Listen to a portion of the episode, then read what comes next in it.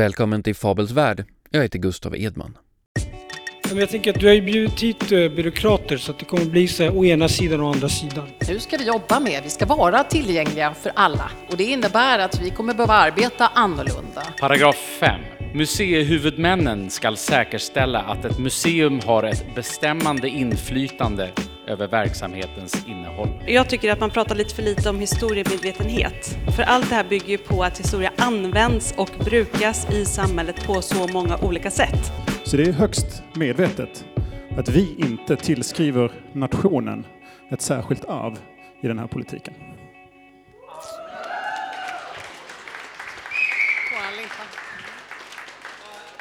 Det är kvällen den 7 mars 2017 på Dansmuseet i Stockholm.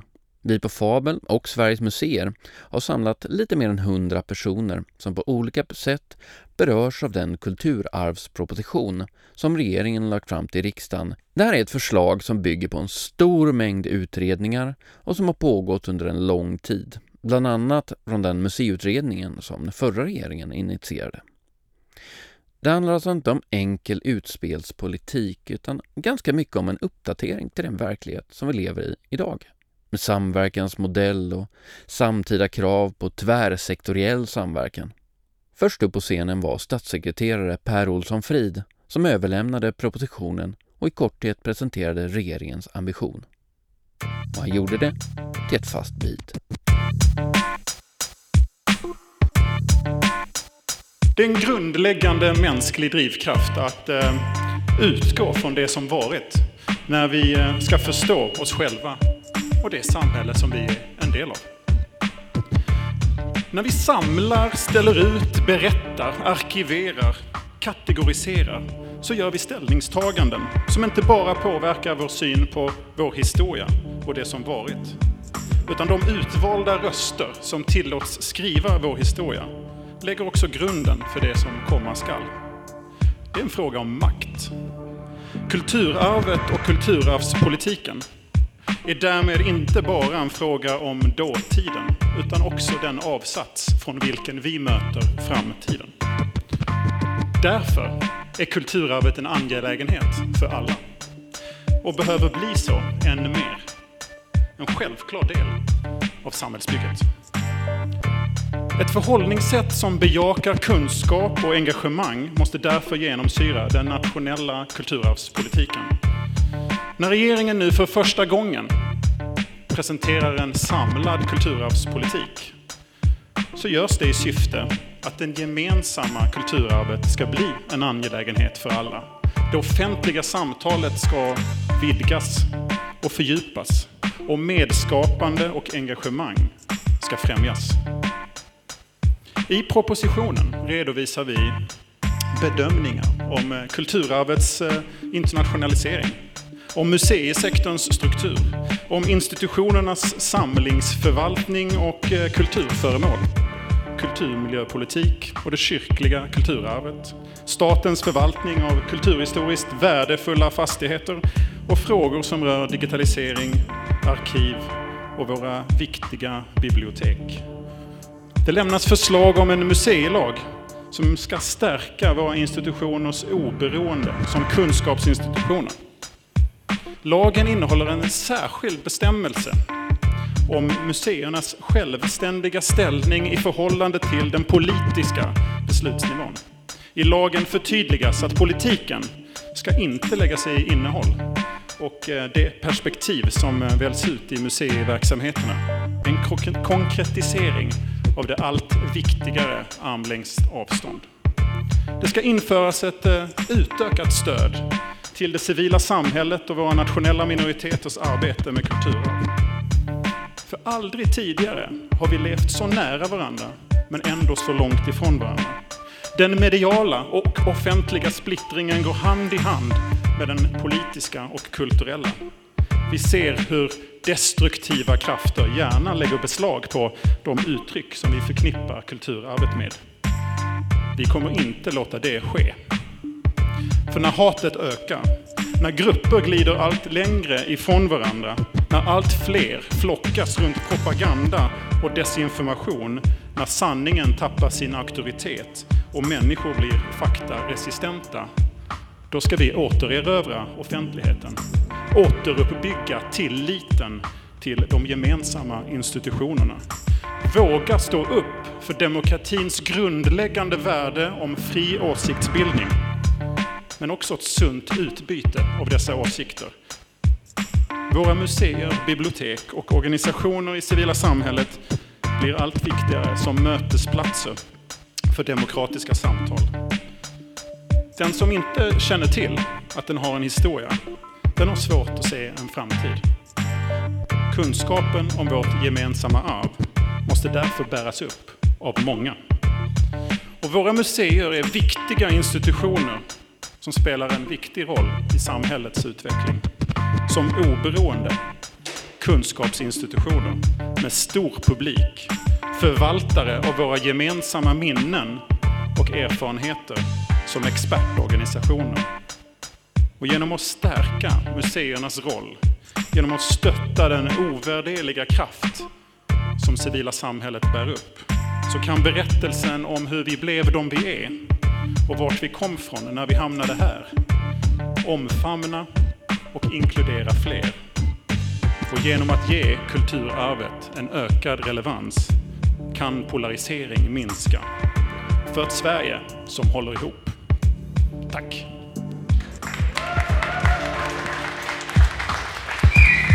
Tack så mycket.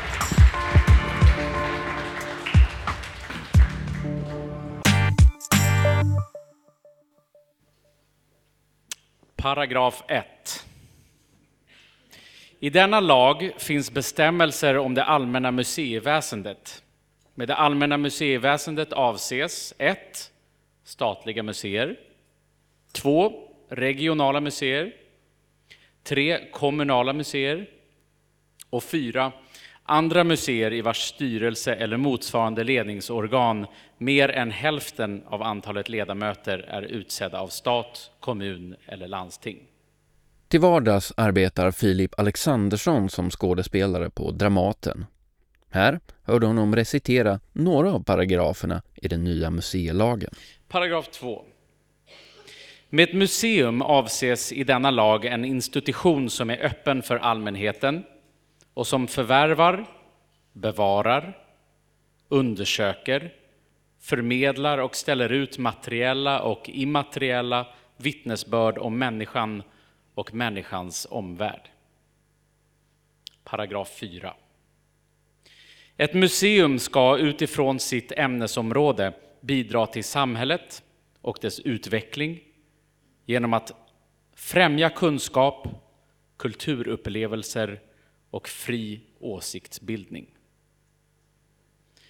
Paragraf 5. Museihuvudmännen ska säkerställa att ett museum har ett bestämmande inflytande över verksamhetens innehåll. Paragraf 6. Utställningar och annan publik verksamhet vid ett museum ska vara kunskapsbaserad och präglas av allsidighet och öppenhet. Vi hoppar raskt till paragraf 11. Museerna och museihuvudmännen ska samverka i syfte att ge alla tillgång till museernas samlade resurser, bland annat genom att ställa föremål ur de egna samlingarna till varandras förfogande. De viktigaste frågorna för kvällen handlar om vad händer nu? Vad för effekter kan propositionen tänkas ha på arkiv, bibliotek och kanske framförallt museer? I ett första scensamtal diskuterade Fabels Max Valentin frågan med Kesar Mahmoud, chef för kulturmiljöenheten på Riksantikvarieämbetet och med Maria Jansén, ordförande i Sveriges museer. Jag tänker att du har ju bjudit hit eh, byråkrater så att det kommer bli så här, å ena sidan och å andra sidan. För det är verkligen så att säga att jag tror att å ena sidan Eh, så ska man inte underskatta det signalvärde som en sån här lag har. För det betyder något när riksdag och regering fattar något, eh, ett beslut eh, och pekar ut en riktning. Och jag tror att det är precis som du är inne på att det där kan man ju använda för att stärka området gentemot politiken eller mot andra områden. Om jag bara jämför med kulturmiljölagen, för vi har glömt K i apropå ABMK. Eh, där ser man ju att när vi fick kulturmiljölagen så blev det helt plötsligt mycket, mycket lättare att eh, få andra att engagera sig för kulturmiljöfrågorna än vad det var innan. Innan försökte vi febrilt hitta andra verktyg. Vi försökte hitta landskapskonventionen, miljömålssystemet och så vidare. Men när man får en lag, då blir det lite lättare. Sen tror jag, å andra sidan ska man inte heller överdriva den förvaltningspolitiska effekten som en sån här lag har. För det är trots allt bara en ramlagstiftning, en ramlag. Eh, jag tror, eh, det är klart att den här möjligheten att byta föremål eh, kommer säkert kanske göra att man kan göra lite andra typer av utställningar. Men jag tror att för att det ska bli spretigare och modigare utställningar, då kommer det fortfarande krävas att det är modiga institutionschefer, modiga medarbetare, men framförallt modiga uppdragsgivare. För att museerna och verksamheterna ska kunna ta ut svängarna. För det är trots allt att vi lever i en tid, ni vet när samhället lätt polariserar sig kring vissa frågor, när vissa frågor som man inte ens förstår eh, eller som känns väldigt obetydliga blir väldigt brännheta. Eh, och där drevet snabbt går. Eh, och alla blir precis säkra på en sak och fem minuter senare är alla säkra på något helt annat. Och jag tror att i det läget blir det, där modet blir väldigt viktigt. Och det kommer inte den här lagen att garantera. Maria, har du några tankar om lagens effekter i verksamheterna?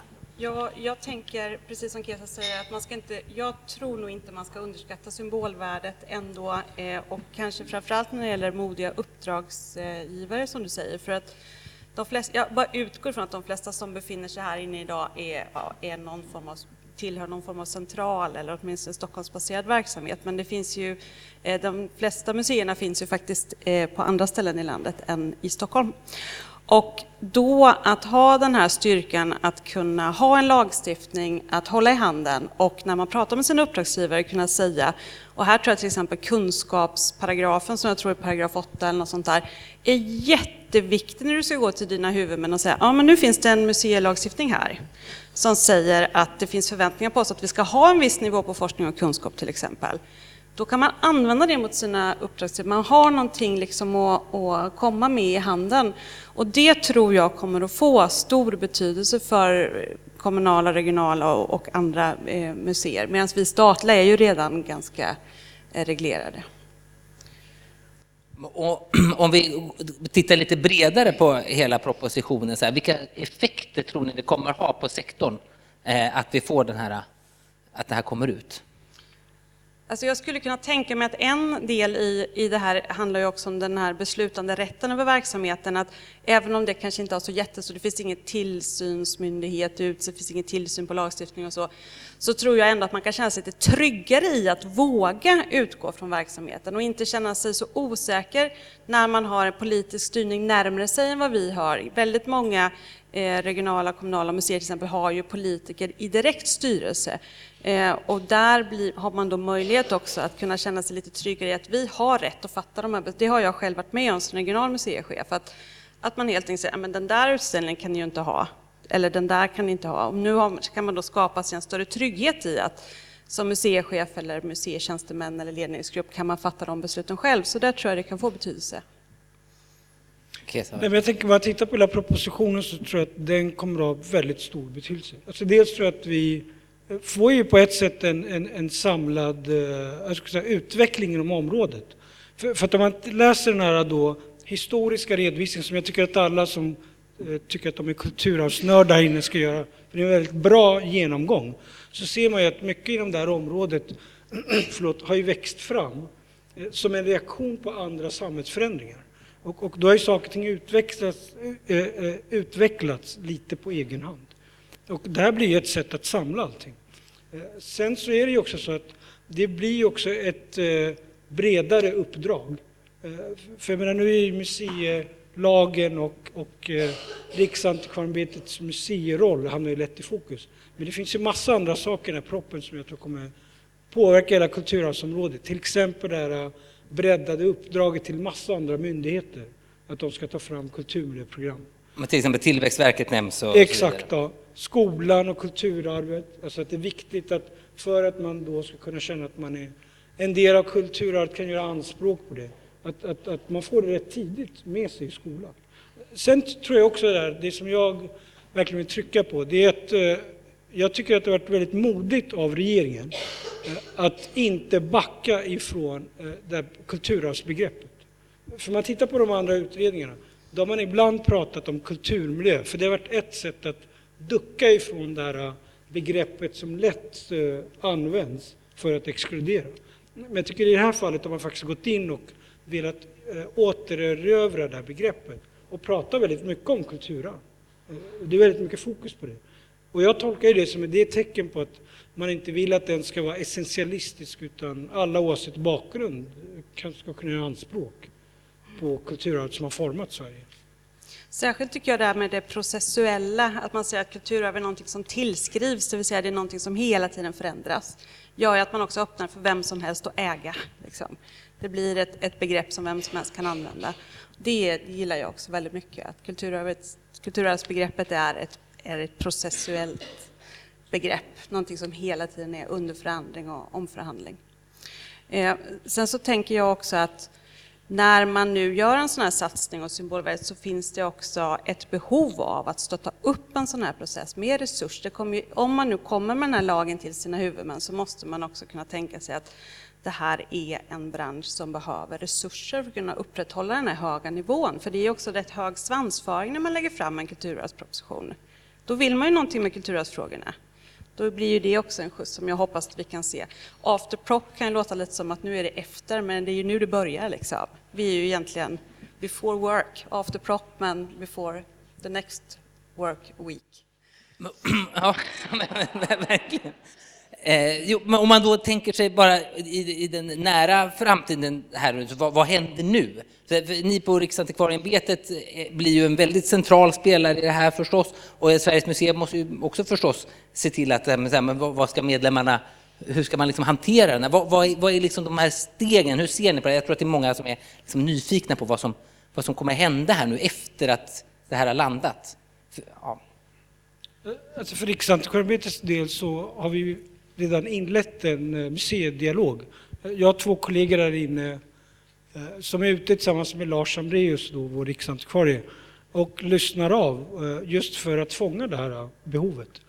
För det är ju så att det här uppdraget som jag har fått, det är brett, men det är också ett uppdrag som man ska vara väldigt ödmjuk inför. För att det ställer också väldigt, kan ställa väldigt höga förväntningar. Vi har ett liknande uppdrag då i relation till länsstyrelserna där är också 21 självständiga myndigheter som, eh, som vi ska gå in och stödja. Men där det hela tiden en balansgång att stödja utan att ta över. Kan, kan inte de, de här museidialogpersonerna, om man vill prata, kan inte ni räcka upp handen? För det kommer ju vara mingel här, då kan man se så här, men de där kan jag gå och påverka. Ulrika och Henrik. Ja, jag hoppas alla såg vilka ni ska lobba på. Jag, jag, tänker att om du ska vara ödmjuk här nu och lyssna och så, så kommer ju vi som riksförbund för museerna istället kanske skärpa våran roll lite när det nu finns en myndighet som vi kan ställa krav på. Så det är också en del i vårt arbete som riksförbund, är att, att Sveriges museer kommer ju nu vara tydligare med att framföra medlemmarnas behov och önskemål. Och nu har ju vi en bra samtalspart. Och jag tänker att vi kommer också att få en museirepresentation i samverkansmodellsråden som är väldigt viktig. För där har vi också, kan vi se att det finns ett behov av att stärka museifrågorna. Man tar också upp i proppen att stärka kulturmiljöfrågorna i samverkansmodellen regionalt. Vi har ju suttit med den eh, i samverkansmodellen tidigare men inte haft någon riktig ingång. Och på det sättet blir det mm. också lite lättare. Ja, men nu är ju ni där och nu har ni museernas ansvar också, så nu får ni också driva museifrågorna där, tänker jag, och det behövs. Bara en grej, jag tänkte på, jag läste bland annat inbjudan till det här, att uh, nu får vi ett riksantikvarieämbete som blir mycket starkare. Alltså jag, nu talar jag för min sjuka mor, jag vet om det. Men jag skulle säga att det är snarare i kulturarvsområdet som har blivit starkare, i och med att vi får det. För, för det har ju också talats om ibland att det med att Riksantikvarieämbetet får den här vidgade rollen är någon sorts uttryck för smygstyrning i och med att man centraliserar allt. Eller att Riksantikvarieämbetet blir någon sorts överrock. Alltså jag, skulle gärna, jag ser det mer som att det här är mer ett tecken på att samhället håller på att bli väldigt fragmentiserad och komplext. Och det är så att ju mer fragmentiserat och komplext saker och ting blir, desto mer ökar behovet av, av någon sorts samordning. Och, och just att massa olika inte ska behöva uppfinna hjulet på nytt, utan då kan vi ge det stödet. Ser ni några risker i, i det här som har, presenterats idag? Eller som har nu kommit fram, den här propositionen?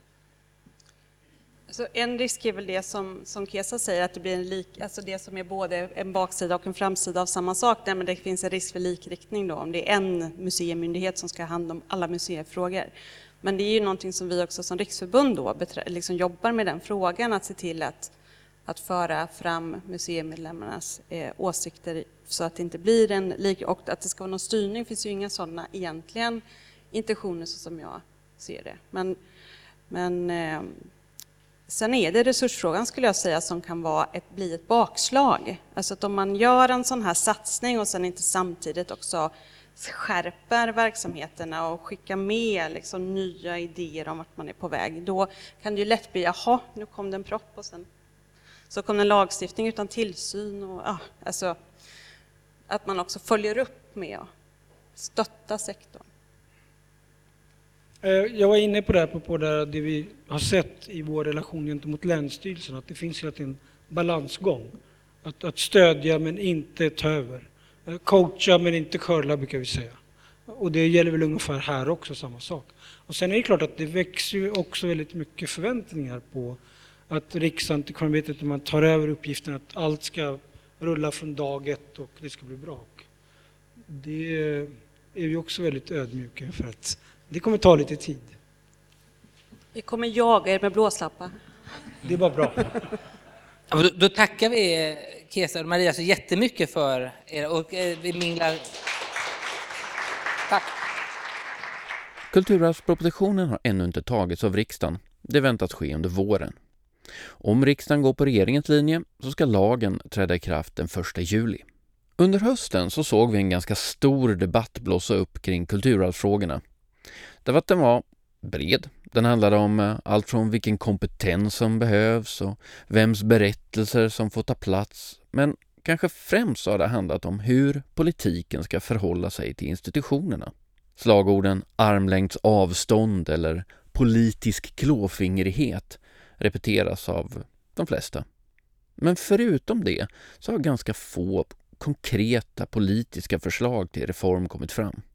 I december var det kulturpolitisk debatt i riksdagen och även där så var det knapert med faktisk politik. De politiska partierna verkar vara överens om att man inte är överens. Men vad det är man inte är överens om är betydligt mer oklart.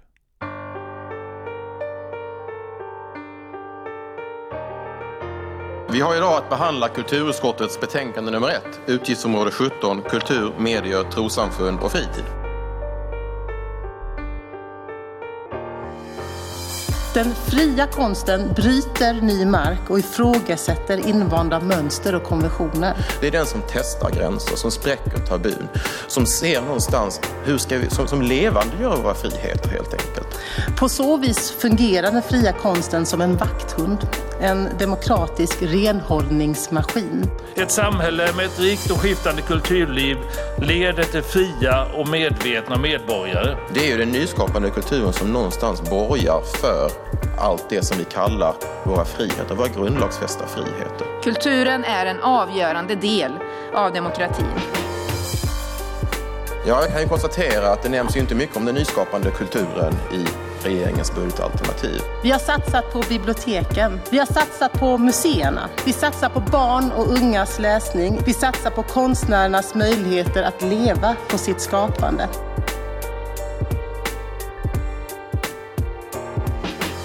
Det är en ganska intressant eh, debatt eh, på kulturpolitikens område som ändå speglar de skillnader som finns. Det här uppnås inte, herr talman, genom att göra kulturen till ett instrument i politiska händer eller något som ska styras rätt. Styrningen blir hårdare och hårdare från statens sida. Det finns länder i vår närhet som just nu provar den linjen. Och det är lätt att raljera över de här förslagen. Det här är inte skojigt. Det här var en remix av den kulturpolitiska debatten i december 2016. Till After Prop så hade vi även bjudit in Ann Folin, överintendent på Världskulturmuseerna och Kalle Natansson, VD på Folkets hus och parker, för att ge deras syn på hur propositionen faktiskt kan komma att påverka på verksamhetsnivå. Men först Filip Alexandersson igen med ett utdrag från propositionens beskrivning av de utmaningar som vi står inför. Ja, nu ska ni få höra hur det ligger till. I Sverige har en snabb samhällsomvandling skett under de senaste decennierna till följd av förändringar i näringsstruktur och demografi samt genom digitaliseringen av allt fler verksamheter. Detta har också påverkat samhällets historiebruk och kulturarvets ställning. Dessa processer har under de senaste årtiondet fortsatt i accelererande takt med viktiga ekonomiska, sociala och identitetsmässiga konsekvenser på många håll.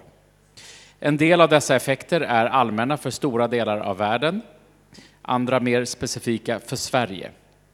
Förändringarna påverkar också kulturarvets ställning i samhällslivet och skapar specifika möjligheter och utmaningar för dess framtida förvaltning. Nu vet ni vad ni har att jobba med.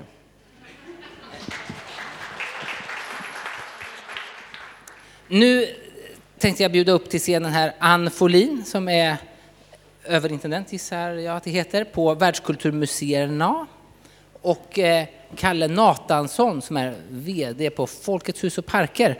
Och eh, vår förhoppning på att hålla ett hela Sverige-perspektiv. Välkomna hit! Tusen tack! Nej, men vi, vi hörde här äh, i propositionen så skriver man ju liksom om varför det här är viktigt, men jag tyckte det skulle vara roligt att höra vad, vad, vad är eran liksom, take på att varför kommer det här just nu? Varför är det viktigt att diskutera kulturarvspolitik just nu och varför kommer det en proposition? Har ni några tankar kring det? Ja, då kan man ju säga att det här är ju inte något sådär fix så snabbt, utan det här är ett ganska så gediget, långt arbete som har förberetts under lång tid med tidigare, ut, eller många utredningar och rapporter som ligger till grund för det här arbetet, som även har eh, initierats av tidigare regeringar. Men att det kommer nu är ju väldigt lägligt kan man säga, eftersom kulturarvsfrågor är så hett, så har det så otroligt starkt intresse just nu. Det har ju den debatt som har pågått inte minst visat, men det är också så att runt om i världen så, så kan vi ju se hur intresse för kulturarv och hur man kan använda kulturarv både i det goda och det onda kan få eh, väldigt stora, ibland katastrofala följder. Eh, handeln med illegalt kulturarv ligger på plats tre efter vapen och narkotika. Förödelsen av Palmyra som är alldeles färskt. Eh, vi kan se ganska många sådana exempel på vikten av att värna kulturarvet, för det är så starkt rotat i vår innersta själ. Så det är väl en anledning varför det är viktigt. Det andra är också det som jag tyckte den här inledningen med citatet ur propositionen och, och lagen, att de stora förändringar som pågår i samhället, eh, som allt kring globalisering, digitalisering, den ökade polariseringen. Vad gör det med människor? Jo, vi söker oss till sånt som förenar, Eh, där vi kan hitta någon slags gemensam grund. Och det är ju fint och vackert, men det kan också finnas en baksida när, det, när vi söker oss till det som enar och det innebär att vi tar avstånd för sånt som är nytt och främmande och annorlunda. Så det har en baksida när det exkluderar eller när vi använder kulturarv på ett odemokratiskt syfte. Så att jag tycker egentligen att svaret är att det är inte så snabbt, men det är väldigt lägligt. Mm. Mm. Kalle, har du några tillägg? Jag tycker det ligger mycket i det som Ann säger och att det är behovet av att manifestera det som är tydligt här, att politiken ska aldrig styra innehållet i eh, kulturarvet, arbetet med kulturarvet och det innehåll som museerna gör, oavsett om det handlar om konst eller om det handlar om eh, vårt förflutna, det historiska materialet på något vis. Och eh, det finns vi har många tendenser i samhället där det sker just nu eh, runt omkring i eh, ett internationellt perspektiv och där nationalism växer sig starkt. Så på det viset så är det ju viktigt att manifestera. Och jag, inte, jag vet inte om det är det som ligger bakom, men jag gissar det. Sen kan man ju konstatera eh, det som du sa allra först, att det är väldigt många utredningar och rapporter som ligger bakom. Jag räknar till 20 utredningar, och rapporter, så jag, jag, tänker också att det var liksom nödvändigt för ministern att göra någonting. När hon satt med alla de där utredningarna och rapporterna och liksom, vad skulle hon göra, svara på en eller svara på två? Det var kanske enklast att göra en proposition, så det, det fanns en praktikalitet också eh, som var uppbollat från någon som hade börjat tidigare. Då. Sen Sen finns det ju, det finns ju flera delar också här som man, kan, som man kan peka, det kan vi komma in på senare, som också ligger i de här förslagen som, eh, som, som man kanske kunde ta som en stafettpinne. Där bland annat som den förra panelen fick svara så ödmjukt på om Riksantikvarieämbetets eh, eh, stärkta ställning eller inte. Det är ju förslag som också fanns faktiskt i den gamla kulturutredningen. Eh, även om det aldrig blev förverkligat så fanns ju förslagen om sfärerna och vad hette det nu då? Kulturarv, språk och minne eller något liknande som skulle bli en maktsfär. Det här är ju inte samma sak, men, men tanken har funnits tidigare. Men slutligen, jag tror, jag tror, det som jag kan läsa ut eh, i, om man läser eh, propositionen som verkar vara det viktigaste, och det är väl liksom beskrivningen eh, som också står i museilagen vad museerna ska göra. Den här eh, liksom öppenheten, att kulturarvet ska vara för alla, att vi vill se flera berättelser, att vi vill ha en ökad förståelse för oss själva och för andra. Eh, det är ju beskrivet på flera sätt i museilagen och det uppfattar jag som är den viktigaste anledningen till varför den här propositionen kommer till nu. Kommer den här, om, som det nu är skrivet här, kom, kommer det ske? Vad kommer det bli för effekter? Kommer det vara mycket mer samproducerade utställningar eller öppna API så folk remixar bilddatabaser? Eller vad, vad, vad, vad blir konsekvenserna av det här? Jag tror att, jag tror att det här är, dels tycker jag det är en väldigt genomarbetad eh, proposition. Väl avvägd och också, jag tror den har stark förankring. Jag tror museilagen dels likställer då med andra områden, bibliotek, arkiv, det är bra. Den skapar en, en, eh, en eh, visar vikten av museernas verksamhet eh, och också att befästa museernas fria roll. Att vi är kunskapsinstitutioner baserade på, på fakta. Att vi skapar bättre förutsättningar för en långsiktighet. Den är ju väldigt viktig. Och naturligtvis det som handlar om att vi ska stå fria från politisk klåfingrighet utan att överlåta till profession, professionen och oss museiprofessionella att ta de beslut som handlar om innehåll. Det är ju väldigt viktiga, väldigt viktiga statement i den här propositionen och i lagen. Så jag tror att det är eh, väldigt positivt. Sen är det förpliktigande och det har ju tidigare panel tryckt på också att nu ska vi jobba med, vi ska vara tillgängliga för alla. Och det innebär att vi kommer behöva arbeta annorlunda, öka vår tillgänglighet, vår tonalitet, tematik, vad vi gör, bjuda in eh, andra arbetssätt, eh, förhållningssätt till publiken. Att jobba med att vara de här eh, rummen för det offentliga samtalet. Ja, att vara, våga vara eh, trygga platser för svåra samtal. Vad innebär det eh, för någonting för oss som ska vara värdar för de här samtalen? Eh, vad har vi mer? Vi har eh, frågan som handlar om medskapande och, och engagemang. Det är också ett nytt förhållningssätt. Att inte vara avsändare utan att bjuda in, att tolka tillsammans med. Så att det är klart att det här kommer innebära förändringar för oss. Jag tror att det i och för sig finns väldigt många museiinstitutioner som redan är på väg. Och jag vill mena att det här är sånt som vi har talat om länge, men det kommer få ännu fler på banan att jobba för just det här, eh, att driva den utvecklingen som krävs. Så det är väl lite det. Eh, jag hoppas på att det ska få effekt, självklart. Det är ju och vad, vad, ska vi har för, vad ska försvinna? Jag tycker att det här det, det kommer ju innebära möjlighet för museer förhoppningsvis att våga vara mer modiga, att kunna ta eh, risker på ett annat sätt, förutsatt att man också har stöd i form av resurser för att kunna ha den höjd och den kvalitet som den här propositionen faktiskt anger. Eh, men långsiktigheten och lite att våga utmana och utveckla, det vill jag se. Mm. Kalle, vad tänker du på kring effekter som det här kan ha? Ja, jag, jag vet inte riktigt vilka effekter, men jag ska, vill börja... Jag tänker, reflektioner kring det. Mm. Jag, jag tar inte din fråga. Nej, det, jag, det, behöver, inte- det, det, det, är- det är väldigt få som gör. I free liksom. form, ja, vad skönt. Ja, men Är jag- du det- journalist eller?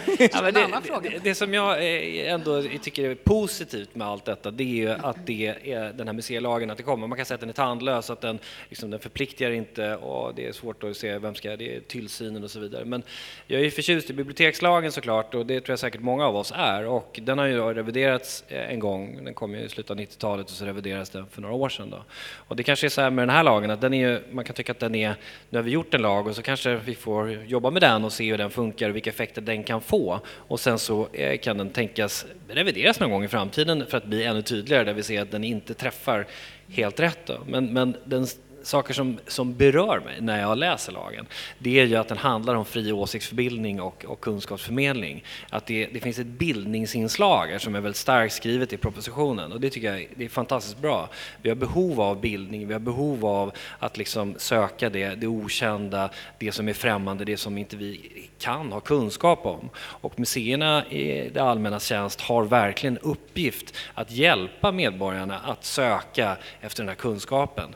Och, och det är det som står i museilagen och det tycker jag det, det är väldigt bra. Det är väldigt bra. Sen kan man se hur, hur, vilka sanktioner kan det tänkas få och så vidare. Då. Om man inte gör det som står i lagen och så vidare. Sen, sen finns det flera många andra bra saker eh, eh, som är skrivet i den här propositionen som, eh, eh, eh som jag gillar och det är en slags postmodernistiskt synsätt på, det var, ni var inne på det liksom, eh, eh, eh det här med själva hur kulturarvet ska förstås som spår och uttryck från det förflutna som tillskrivs värde och används i samtiden, står det då återkommande. Eh, det är själva tolkningen. Och det är, det är en öppen tolkning, det, blir en, det är ett postmodernistiskt synsätt man kan använda för sig själv. Men man lägger till väldigt tydligt också att man ska inte kunna liksom göra någon slags historierevisionism. Det är viktigt att säga, man ska inte kunna lägga historien till rätta. Så att det finns någon slags liksom balansgång mellan de här två delarna. Bruka kulturarvet, använd det, arbeta med det för egen räkning men eh, du kan inte hitta på några objektiva sanningar. Vissa saker har faktiskt hänt. Då. Överhuvudtaget det kapitlet som handlar om att, att utveckla, alltså hur man beskriver det utvecklade kulturarvsbegreppet, eller det breda kulturarvsbegreppet, Det är väldigt värdefullt. Eh, Att visa så tydligt hur kulturarv inte är något statiskt utan ständigt föränderligt, ständigt öppet att behöva tolkas och eh, tas vidare, förändra. Mm.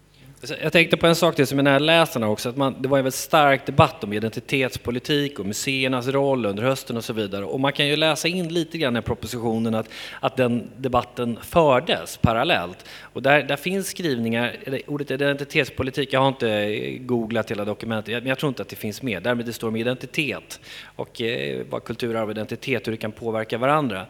Och det, det står någonstans att in, inte att någon ska känna sig representerad utan för att dessa berättelser behövs för att vi tillsammans ska förstå oss och vårt samhälle bättre. Det är viktigt att säga det. Det är inte för att vi ska ha en representation utan för att vi bättre ska förstå varandra. Och det kan jag verkligen skriva under på. Men det märks, det är lite intressant. Det känns som att vissa stycken som är skrivna i den här propositionen, den har kanske påverkats av den här eh, debatten som också fördes. Bra eller dåligt, det vet jag inte, men, men det, det kan man se i texten. Det tycker jag i alla fall. Vad säger du, Ann? Nej, men jag tror... Hej och hå. Debatt sa du, jag hängde inte med där. Har det varit en debatt? Nej, men jag, jag kan nog känna att debatten har ju varit väldigt polariserad. Den har ju varit kulturarv ska vara tillbakablickande, statiskt eller kulturarv är någonting föränderligt, ständigt i rörelse. Eh, och överhuvudtaget så tycker jag att den här eh, propositionen tar ju väldigt tydlig ställning för vilket kulturarvsbegrepp vi vill se i, i framtiden. Och, eh, eh, så att det är väl en sån sak. Eh, den här politiska klåfingrigheten som har varit uppe i debatten. Här är ju väldigt tydligt ställningstagande att inte politiker ska lägga sig i innehåll och styra vilka föremål som ska förvärvas eller vilka utställningar eller vilka bilder som används i en reklamkampanj eller någonting annat. Utan att det här är professionen som, som... Jag tror också att Eh, en, en sak som jag har funderat på det är ju naturligtvis hur, hur kunskapskapitlen är framskrivna därför att Vi betonar ju väldigt starkt, kanske vi har tagit för givet, att vår samlingarnas betydelse, museer som kunskapsinstitutioner och vikten av det. Här står mycket kring ämneskompetens. Eh, museerna, hur viktigt det är att museerna har en ämneskompetens. Jag hade nog gärna sett en vidare tolkning av kompetens för att museerna kräver kompetens inom så väldigt många olika områden. Eh, det krävs kompetens inom pedagogik, det krävs kompetens inom värdskap etc.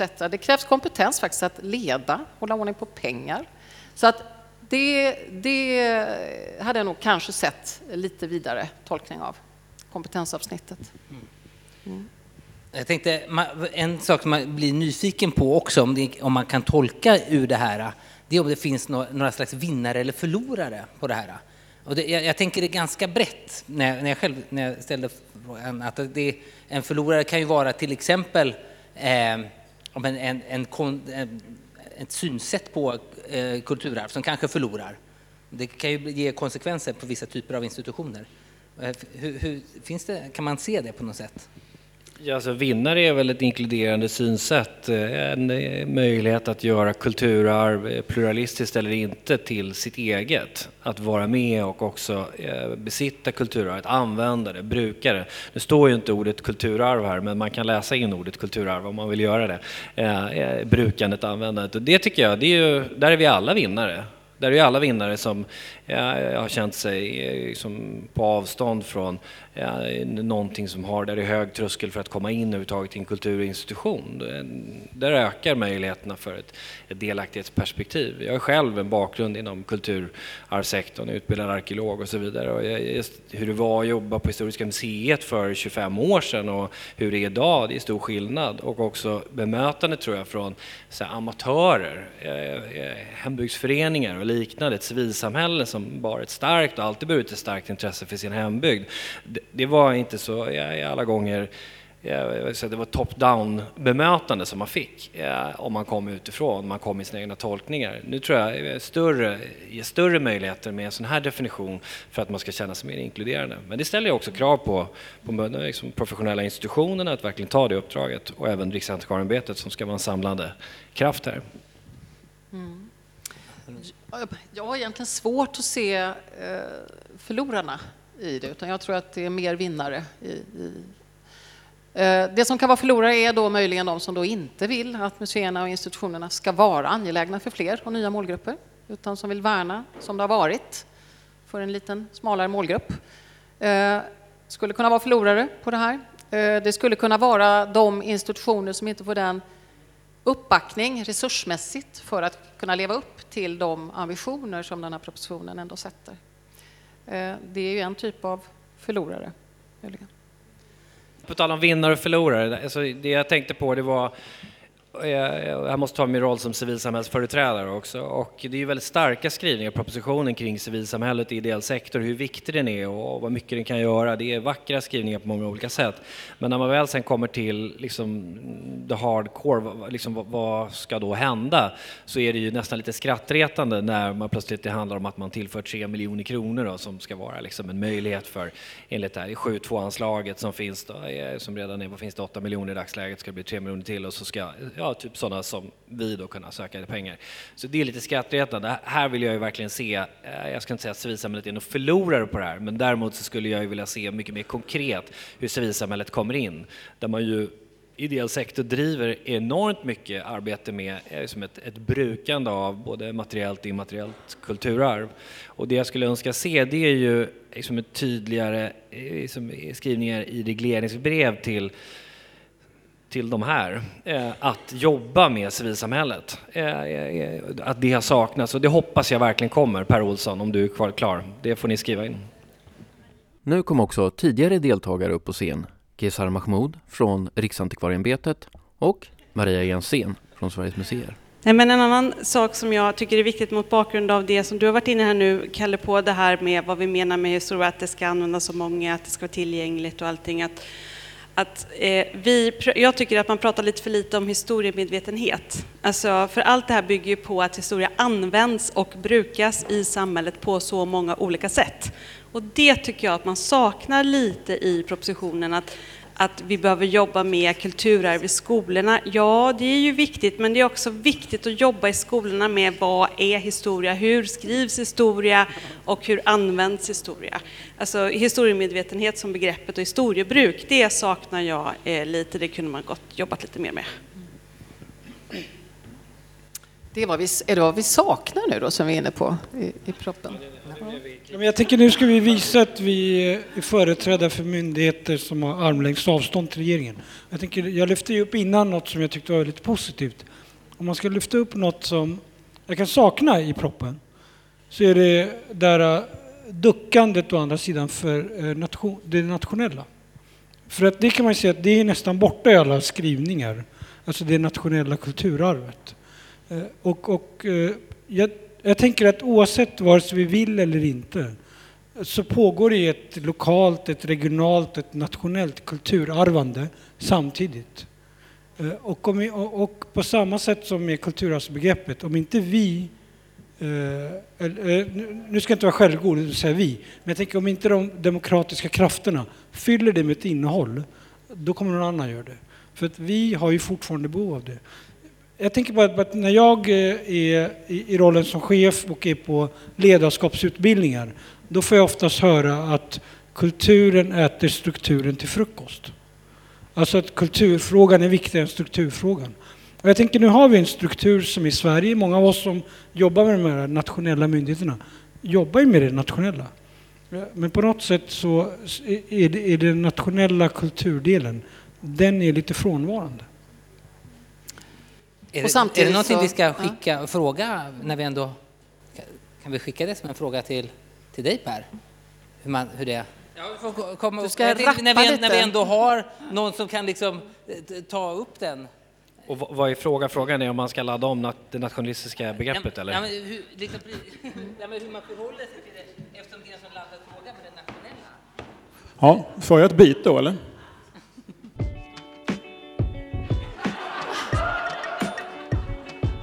Med den här eh, propositionen, med den nya samlade kulturarvspolitiken, så vill vi ju skapa en kraft, en grund, ett, eh, en morot för institutionerna, de oberoende kunskapsinstitutionerna och det civila samhället med all dess potential och oumbärliga engagemang. Att ta debatten om det nationella kulturarvet, att ta diskussionen om vad som är lokalt och vad som är globalt och se till att de krafter som vill äga de här begreppen inte lyckas med det ägarskapet utan att vi tar tillbaks det och gör det gemensamt. Så det är högst medvetet att vi inte tillskriver nationen ett särskilt arv i den här politiken.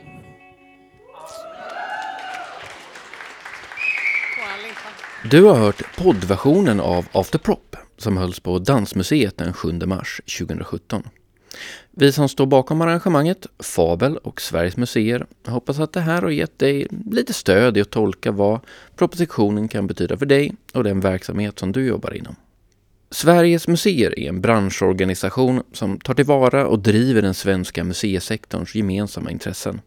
Med drygt 220 medlemmar så representerar organisationen stora delar av Museisverige. Vill du bli medlem eller veta mer Gå in på www.sverigesmuseer.se. Vi på Fabel jobbar med att skapa strukturer och metoder för hur människor kan mötas och hitta lösningar tillsammans. Det kan handla om hur man i praktiken löser breddad samverkan eller om hur man hittar vägar framåt när offentliga aktörer, civila samhället och näringslivet gör gemensam sak. Hör gärna av dig till oss på Fabel om ni behöver hjälp i ert arbete och förändra arbetssätt eller metoder som blir konsekvenser av den här nya kulturarvspolitiken. Vi finns på www.fabel.se. Om du vill läsa propositionen så finns den att ladda ner på regeringens webbplats. Du hittar alla dokument som relaterar till propositionen under rubriken Kulturarvspolitik.